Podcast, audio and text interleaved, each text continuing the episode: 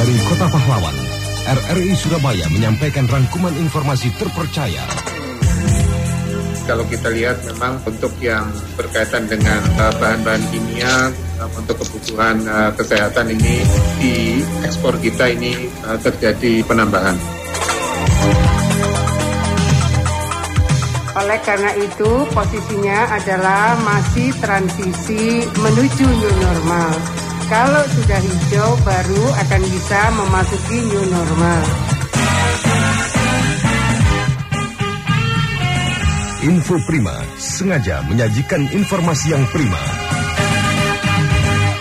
Selamat sore pendengar, dari Kota Pahlawan RRI Surabaya menyampaikan Info Prima edisi Minggu 21 Juni 2020. Bersama saya Ane Riangga, inilah Info Prima selengkapnya.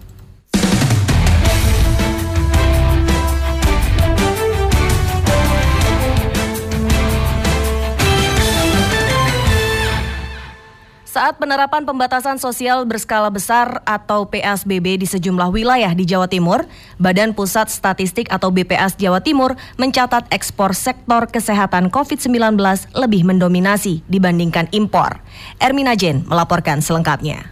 Badan Pusat Statistik BPS Provinsi Jawa Timur mencatat perkembangan nilai ekspor sektor kesehatan pencegahan COVID-19 ternyata lebih mendominasi dibandingkan impor. Hingga Mei 2020, nilai total ekspor komoditas COVID-19 Jawa Timur mencapai 21,865 juta dolar Amerika Serikat dibandingkan nilai impor yang mencapai 15,9 juta dolar Amerika Serikat pada bulan yang sama. Kepala Badan Pusat Statistik BPS Provinsi Jawa Timur Dadang Hardiwan mengatakan bahwa dalam hal komoditas COVID-19 ada peningkatan dari sisi ekspor dan impor. Lima besar pertama ekspor komoditas COVID-19 berupa obat dan vitamin, produk mengandung desinfektan siap pakai, bahan baku hand sanitizer, bahan baku pakaian pelindung, dan bahan baku masker terutama untuk yang berkaitan dengan kesehatan ini juga beberapa komoditi ini juga kalau kami lihat ini juga uh, terutama dari sisi bahan baku. Bahan baku baik itu hand sanitizer maupun bahan baku masker ini mengalami uh, peningkatan termasuk juga sarung tangan dan termometer ini juga mengalami uh, peningkatan. Jadi ini sektor uh, yang berkaitan dengan kesehatan ini juga menjadi catatan yang uh, perlu ya bahwa untuk mudah-mudahan ini juga ya kita berharap sih kesehatan untuk COVID ini terutama ini bisa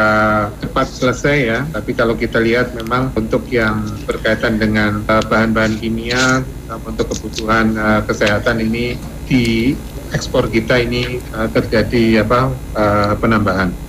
Selain ekspor, BPS Jawa Timur juga mencatat perkembangan impor utama komoditas COVID-19 di antaranya seperti bahan baku pakaian pelindung yang mencatatkan nilai impor pada Mei 2020 mencapai 3,9 juta dolar Amerika Serikat atau turun 12,11 persen dari April 2020 yang mencapai 4,4 juta dolar Amerika Serikat. Sebagian besar item komoditas COVID-19 diimpor dari Tiongkok, kecuali sarung tangan dari Malaysia dan bahan baku hand sanitizer diimpor dari Korea Selatan.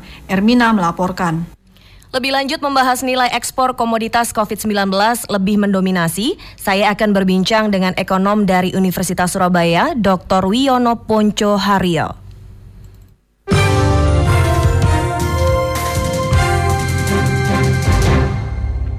Selamat sore, Dokter Ponco. Ya, selamat sore. Alhamdulillah. Gimana kabarnya, Dokter?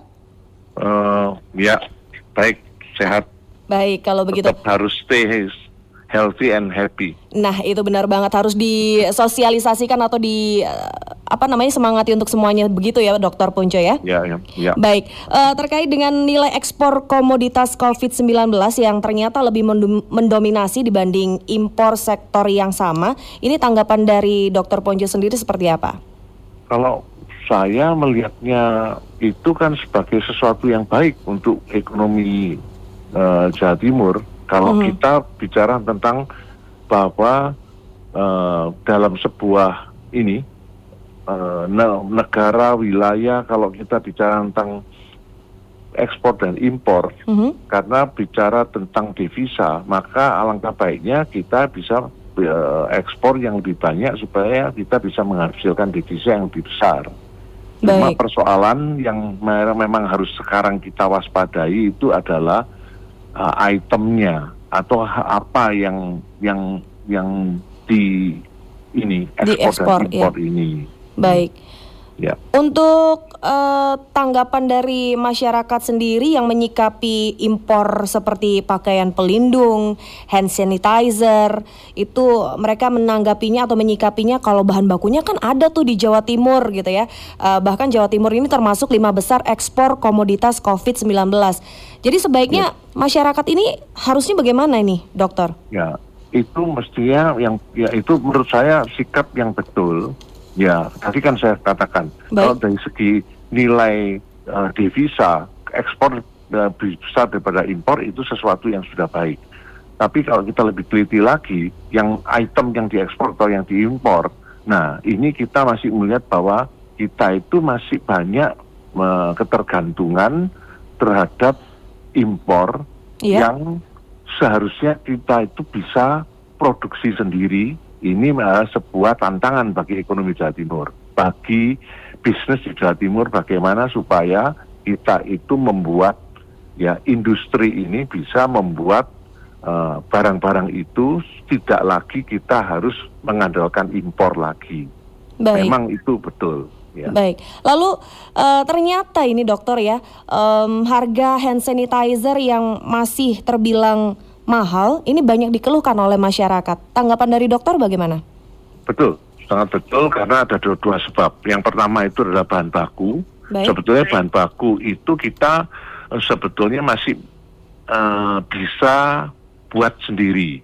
Sehingga kalau kita bisa buat sendiri itu pasti seharusnya itu bisa lebih murah. Dan yang kedua bagaimanapun kalau kita bicara tentang impor, ya memang ada pertimbangan yang lain yaitu kalau kita masih dalam kondisi uh, high cost ekonomi, ternyata kalau misalkan harga yang diproduksi di dalam itu dibandingkan yang diimpor itu masih lebih murah impor, itu berarti kita secara ini ekonomi kita itu masih high cost, berarti kita harus uh, berpikir bagaimana caranya wong bahan baku yang kita bisa buat itu mestinya lebih bisa kita hasilkan sendiri mestinya lebih murah. Mengapa kok kita masih ini uh, masih me pro produksi? Baik. Biaya produksi itu bisa lebih mahal. Baik. Nah ini menjadi tantangan bagi kita. Baik ya. dokter. Semoga ada segera solusi dan masyarakat tidak lagi uh, mengeluh ya tentang ya. harga hand sanitizer. Baik, terima kasih atas perbincangannya Dokter Ponco. Yes, terima kasih. Sampai jumpa lain kali. Terima kasih. Ya. Selamat sore. Ya, tetap tetap sehat, tetap happy. Baik, terima kasih dokter. Kasih. Ya, selamat sore.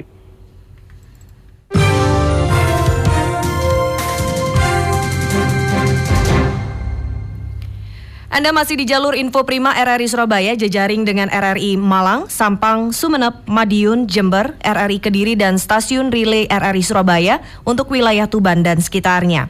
Berita ini juga dapat Anda dengar melalui www.rri.co.id dan aplikasi RRI Playgo.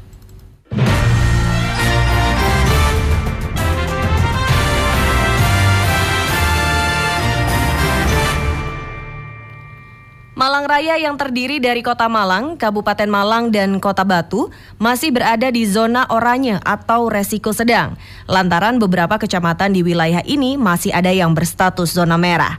Ani Hasanah melaporkan. Malang Raya yang terdiri dari Kota Malang, Kabupaten Malang, dan Kota Batu masih berada di zona oranye atau resiko sedang. Lantaran beberapa kecamatan di wilayah ini masih ada yang berstatus zona merah.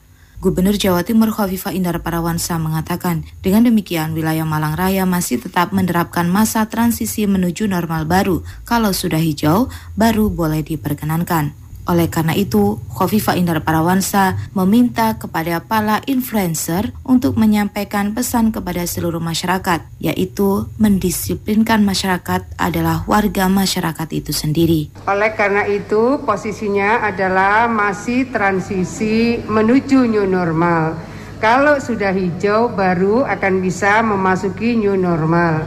Oleh karena itu, saya mohon kepada seluruh warga Malang Raya terutama para influencer, para youtuber, para blogger, para vlogger. Tolong disampaikan pesan kepada seluruh masyarakat. Oleh karena itu, tegas gubernur perempuan pertama di Jatim ini, sebelum vaksin COVID-19 ditemukan, maka vaksin paling ampuh adalah disiplin.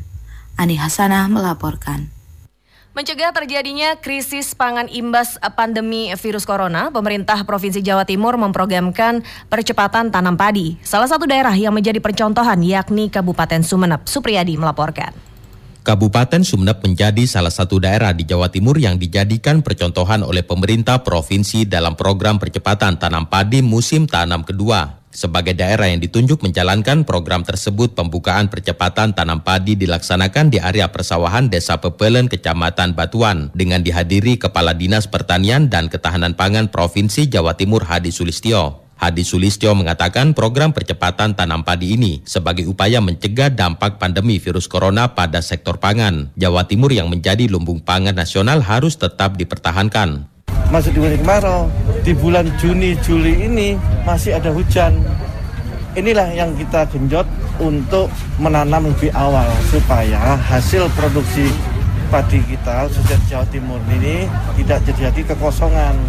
Tentunya Jawa Timur ini sebagai lumbung pangan ini mendapat perhatian khusus dari Ibu Gubernur agar. Walaupun masa pandemi COVID-19 ini para petani tidak merasa jadi hambatan tapi tetap berproduksi sesuai dengan sebelum ada pandemi Sementara Wakil Bupati Kabupaten Sumeneb Ahmad Fauzi mengaku mendukung program pemerintah Provinsi Jawa Timur. Jika di tengah masa pandemi virus corona ini tidak dilakukan percepatan tanam padi, maka akan bisa berdampak luas khususnya pada sektor ekonomi dan pangan. Selama ini kan Provinsi Jawa Timur ini tidak pernah impor, maka ini juga harus diantisipasi. Kenapa harus ada gerakan yang dilaksanakan saat ini? Memang tujuannya memberikan motivasi juga kepada para petani. Tentunya kita akan mendorong dalam sebuah edukasi untuk memberikan perhatian kepada para petani bahwa harus menyesuaikan dengan kondisi saat ini. Selain Kabupaten Sumeneb, pemerintah Provinsi Jawa Timur juga menunjuk sejumlah daerah lain sebagai percontohan percepatan tanam padi pada musim tanam kedua tahun ini. Di antaranya Jember, Tulung Agung, Nganjuk, Ngawi, Bojonegoro, dan Tuban.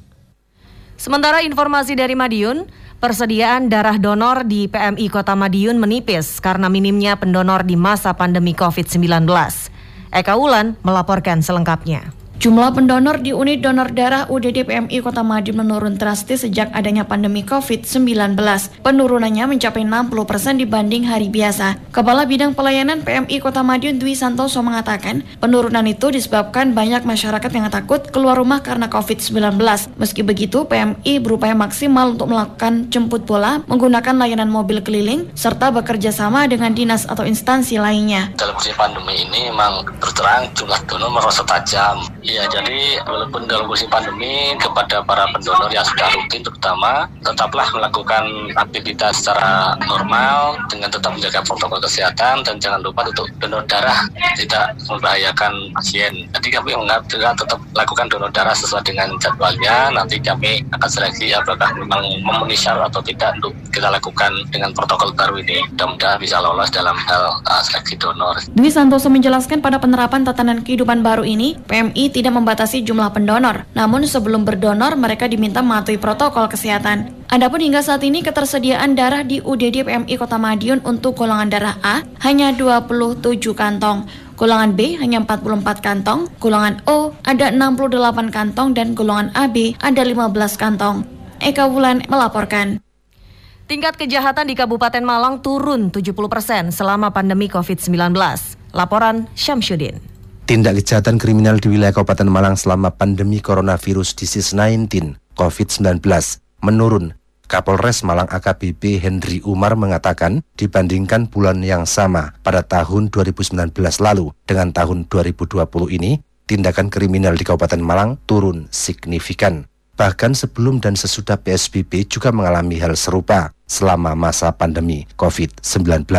Penyebabnya partisipasi masyarakat selama pandemi sangat aktif untuk turut serta menjaga keamanan di lingkungan masing-masing. Menurut Mas, ya dibandingkan dengan bulan yang sama tahun sebelumnya ataupun dibanding dengan sebelum ada pandemi. Karena kan sekarang kan pasti banyak checkpoint-checkpoint, banyak apa uh, warga semuanya partisipasi, partisipasi aktif untuk jaga kampungnya. Otomatis kan itu berbanding lurus sama keamanan di kampung itu sendiri.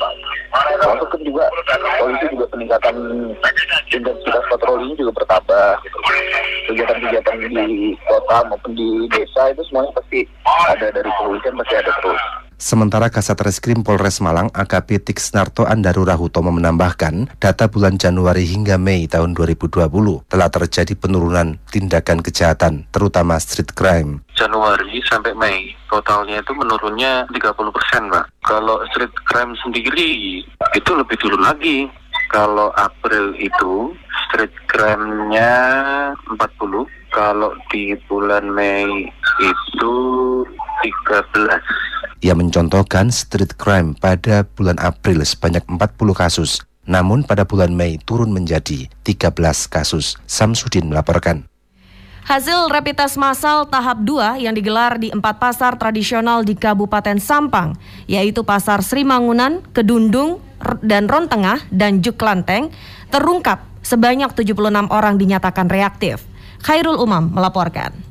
Hasil rapid test massal tahap 2 yang digelar di empat pasar tradisional Kabupaten Sampang, yaitu Pasar Sri Maunan, Kedundung dan Rong Tengah dan Juk Lanteng, terungkap sebanyak 76 orang dinyatakan reaktif. Humas Satgas COVID-19 Sampang Juwardi menyampaikan dari 1.130 orang di empat lokasi pasar yang dilakukan rapid test, 76 orang dinyatakan reaktif. Sebelumnya juga ada 226 orang yang di rapid test dan 28 orang reaktif. Tetapi kalau seperti ini kita mengimbau, kita menguman lah. Tetapi tidak mau daripada mereka itu panik, daripada mereka itu jadi stres ya. Udahlah, kalau nanti suatu lagu siap, kita ada kesempatan lagi ke rapid. Ini berurutan terus, ini juga dari pasar pasar Rong Tengah, pasar Mangunan, terus pasar Jelanteng, terus pasar Kedundung. Sementara Sekretaris Daerah Pemkap Sampang Yudadi Setiawan menghimbau masyarakat untuk terus berhati-hati sebab wabah COVID-19 di Sampang masih terus terjadi.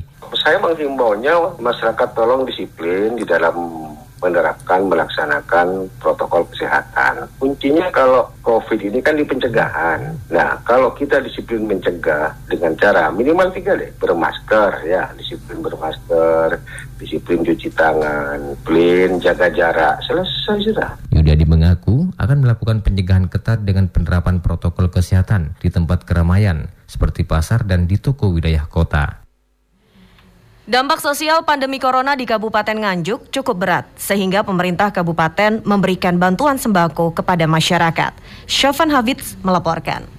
Di tengah pandemi COVID-19, pemerintah Kabupaten Nganjuk memberikan bantuan kepada masyarakat terdampak. Banyak bantuan yang diberikan selain yang sudah rutin berupa PKH, juga bantuan sembako kepada masyarakat miskin. Bupati Nganjuk Novi Rahman Hidayat mengatakan, dengan wabah pandemi COVID-19 dampak yang dirasakan masyarakat cukup berat, mengingat semua sektor terdampak COVID-19, sehingga pemerintah kabupaten berupaya meringankan beban masyarakat dengan bantuan sosial. Bantuan sosial itu pun didasarkan didasarkan atas kebutuhan warga sehingga anggaran yang dikeluarkan dapat dipertanggungjawabkan dan tepat sasaran. Tujuan kami adalah supaya program ini memang betul-betul tepat sasaran sehingga supaya program ini tepat sasaran dalam penganggaran pun kami tidak asal-asal membuat anggaran tetapi harus berdasarkan segala bentuk permasalahan yang ada di lapangan sehingga masyarakat harus betul-betul merasakan Perkembangan COVID-19 di Kota Angin Nganjuk sendiri tegas Novi Rahman Hidayat sekarang ini belum dapat dihentikan.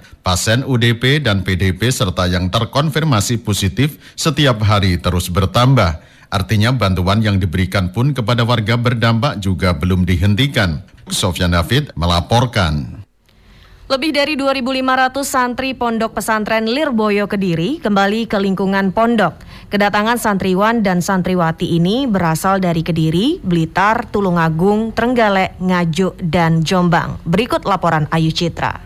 Meski tengah pandemi COVID-19, banyak lebih dari 2.500 santri Pondok Pesantren Lirboyo Kediri pada saat ini kembali datang ke lingkungan pondok. Kedatangan santriwan dan santriwati ini berasal dari Kediri, Blitar, Tulung Agung, Trenggalek, Nganjuk, dan juga Jombang. Dalam jumpa persnya di Aula Muktamar Lirboyo Kediri, Ketua Pesantren Tanggul Lirboyo Kediri, Kiai Haji Uwing Abdul Muid Sohib menyatakan, sebelum datang ke pondok, para santri diwajibkan melaksanakan isolasi mandiri di rumah masing-masing dan harus dibuktikan dengan surat terangan dari pihak terkait. Untuk kepulangan santri ini, pihak Yayasan Ponpes Lirboyo Kediri dibantu oleh Himasal atau Himpunan Alumni Santri Lirboyo, di mana saat tangannya sejumlah wali santri tidak diperkenankan menggunakan angkutan umum dan dilarang keras mengantar sampai di lokasi pesantren. Sudah kita sampaikan beberapa waktu yang lalu, jadi sejak dua minggu yang lalu kita instruksikan seluruh santri yang hari ini jadwalkan kembali untuk melaksanakan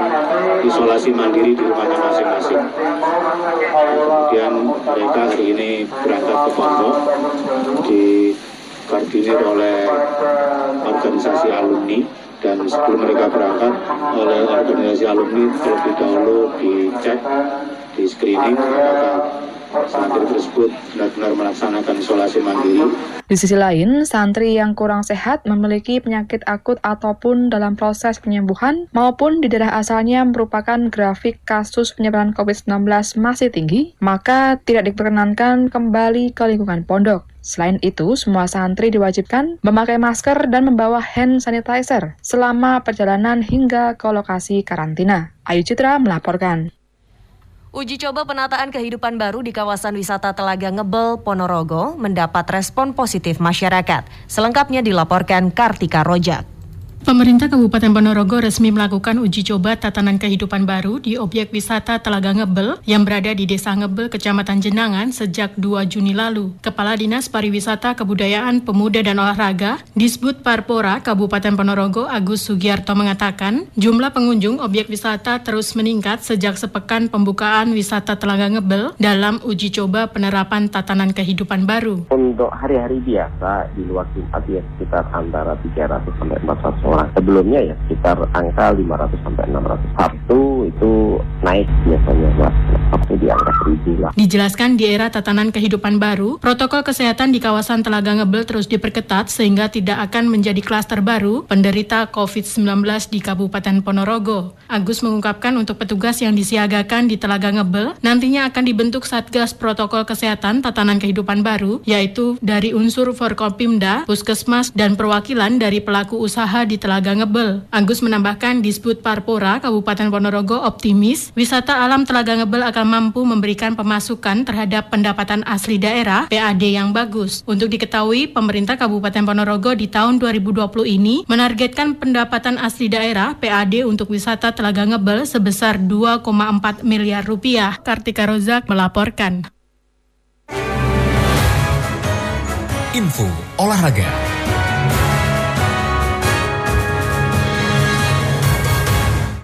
Penjualan jersey special anniversary Persebaya ke-93 banyak diburu pendukung setianya. Laporan Agustin Irdiani. Jersey Special Anniversary Persebaya yang ke-93 mendapatkan animo yang besar dari pendukung setianya. Dengan tema besar Wani lawan COVID-19, jersey tersebut mengambil warna hijau dengan balutan corak kuning. Sementara di bagian lengan ditambahkan logo bertuliskan Wani lawan COVID-19. Manajer Persebaya Store Arizal Perdana mengatakan jersey tersebut sebagai bentuk solidaritas terkait pandemi COVID-19, terutama bagi tenaga medis yang sedang berjuang di garda terdepan. Selain itu, pihaknya juga akan menyumbangkan sebagian besar penjualan kepada para tenaga medis yang telah berjuang selama ini. Bahwa kita ingin berkontribusi secara langsung terhadap uh, dampak yang timbul karena adanya pandemi corona atau COVID-19 ini. Uh, seperti kita ketahui memang ini kan uh, pandemi secara global ya yang mengakibatkan uh, salah satu dampaknya adalah roda ekonomi yang mungkin mutarnya nggak sesuai dengan biasanya, mm -hmm. ya, jadi sangat lemah mungkin ya. Turunnya juga dropnya mungkin banyaklah indikator-indikator. Nah kami ini yang ada di Persebaya Store yang ada di industri kreatif merasa bahwa uh, ini kita tidak bisa dengan berdiam diri gitu kan. Uh, dengan adanya seperti ini sebenarnya salah, salah satu kuncinya adalah tetap kreatif dan harus tetap inovatif. Lalu konsentrasi kita memang akan di tenaga medis. Jadi kita mulai bangun komunikasi ke teman-teman tenaga medis yang ada di rumah sakit, khususnya rumah sakit yang meng, apa namanya menerima pasien COVID-19 di wilayah Surabaya. Apa uh, yang mereka butuhkan seperti itu. Penjualan jersey dimulai sejak kemarin melalui website resmi Persebaya Store. Untuk tahap pertama, Persebaya menjual 1.200 pak. Tidak butuh waktu lama, jersey tersebut diburu dalam waktu tiga setengah jam saja. Seluruh jersey yang terjual tersebut dijadwalkan akan mulai dikirim pada akhir bulan Juli. Ini dikarenakan terbatasnya proses pembuatan jersey dikarenakan pandemi COVID-19. Agustin Irdiani melaporkan. Keikutsertaan pasangan bersaudara kembar di turnamen bridge online diapresiasi GAPSI Jawa Timur. Oni Arianto melaporkan. Pengurus Provinsi Gabungan Bridge seluruh Indonesia GAPSI Jawa Timur mengapresiasi keikutsertaan pasangan pemain bridge bersaudara kembar asal Jember yang ikut di turnamen bridge online Piala Gubernur Jawa Timur tahun 2020. Cinta Kasih, panggilan dari Alia Cinta dan Alia Kasih, berlaga beserta 275 atlet bridge lain dari 16 kabupaten dan kota serta tiga perguruan tinggi di Jawa Timur. Menurut Bambang Priambodo, Ketua Harian Pengurus Provinsi GAPSI Jawa Timur, Alia Cinta dan Alia Kasih merupakan atlet bridge masa depan dari kota Jember yang diharapkan bisa mengukir prestasi. Ada yang menarik dari turnamen bridge online Piala Gubernur Jatim 2020 ini. Ada peserta kembar atlet dari Jember, Aulia Cinta dan Aulia Kasih. Mereka sekolah di SD Negeri Jember Lor 3 yang di sana ada ekstrakurikuler cabang olahraga bridge. Alia Cinta dan Alia Kasih kelahiran 24 November tahun 2009 bertanding mewakili Kabupaten Jember pada kategori sekolah dasar di turnamen bridge online yang digelar 3 sampai 30 Juni tahun 2020. Total peserta 52 regu yang terbagi dalam kategori SD, SMP, SMA, Junior KU21, Junior KU25 dan Umum KU Bebas.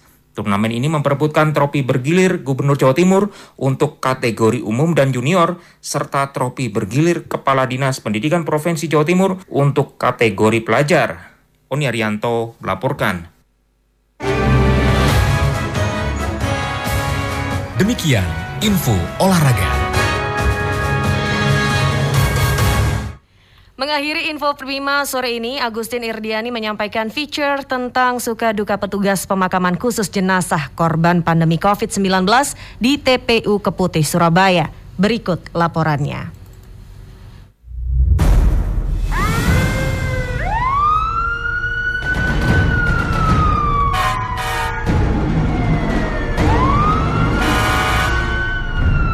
Lalu lalang suara mobil ambulans sudah akrab di telinga Zara, 36 tahun, warga sekitar tempat pemakaman umum TPU Keputih, Surabaya. Sejak Indonesia dinyatakan darurat COVID-19, tak terhitung lagi mobil ambulan yang melewati rumahnya. Mobil yang membawa pasien meninggal akibat virus corona itu siaga tidak kenal waktu. Zara mengatakan proses pemakaman tidak hanya berlangsung pagi ataupun siang hari, bahkan kerap kali malam hingga dini hari. Ia bersama warga sekitar tidak lagi khawatir terjadi penularan karena letak TPU yang sudah berjarak sesuai standar operasional prosedur SOP serta petugas yang mengikuti protokol kesehatan dengan memakai alat pelindung diri. Warga pun selalu dihimbau untuk tidak mendekati komplek tersebut. Iya, setiap hari ada. Gak tentu ya. sih, kadang malam, kadang siang, kadang jam 3 pagi juga ada. Ya nggak apa-apa sih, agak jauh sih dari penduduk, dari pemukiman agak jauh. Senada dengan Zara, bagi Sapuan 50 tahun menjadi petugas pemakaman khusus COVID-19 merupakan hal yang biasa. Ia bersama puluhan temannya saling bahu-membahu agar selalu siap sepanjang waktu. Tidak ada lagi ragu ataupun ketakutan karena seluruh petugas sudah memahami aturan. Namun bukan berarti proses pemakaman selalu berjalan baik-baik saja. Sapuan bercerita, tidak semua keluarga korban COVID-19 mengerti prosedur. Kerap kali ia harus berhadapan dengan keluarga yang kurang menerima proses pemakaman yang berbeda. Ya tergantung keluarga, keluarganya seumpamanya nyaman, ya kita juga nyaman. Kita hanya merasa melayani sepenuhnya gitu aja. Kayak seumpama warga ingin gini ya kalau bisa di di handle, kalau nggak bisa ya terserah. Karena kan manusia ya ada yang gini gini permintaannya ya ingin ingin anu ya tapi ya kan belum belum tahu kemungkinan belum tahu prosedur prosedur anu kan belum tahu. Kalau sudah tahu kan oh iya ya pak ya ya monggo monggo kita imbo jangan dekat-dekat. Imbuannya kan 50 meter tuh tapi keluarga ketinggal kan kadang-kadang nggak nano ya. Sapuan hanya satu dari ribuan petugas pemakaman khusus COVID-19 di Indonesia yang harus terus memberikan layanan terbaiknya. Tidak banyak yang mau menekuni profesi seperti dirinya, namun karena rasa kemanusiaan serta niat yang tulus membuatnya pantang berkeluh kesah. Kini ia hanya berharap tidak ada lagi warga yang terpapar COVID-19 dan pandemi segera berakhir.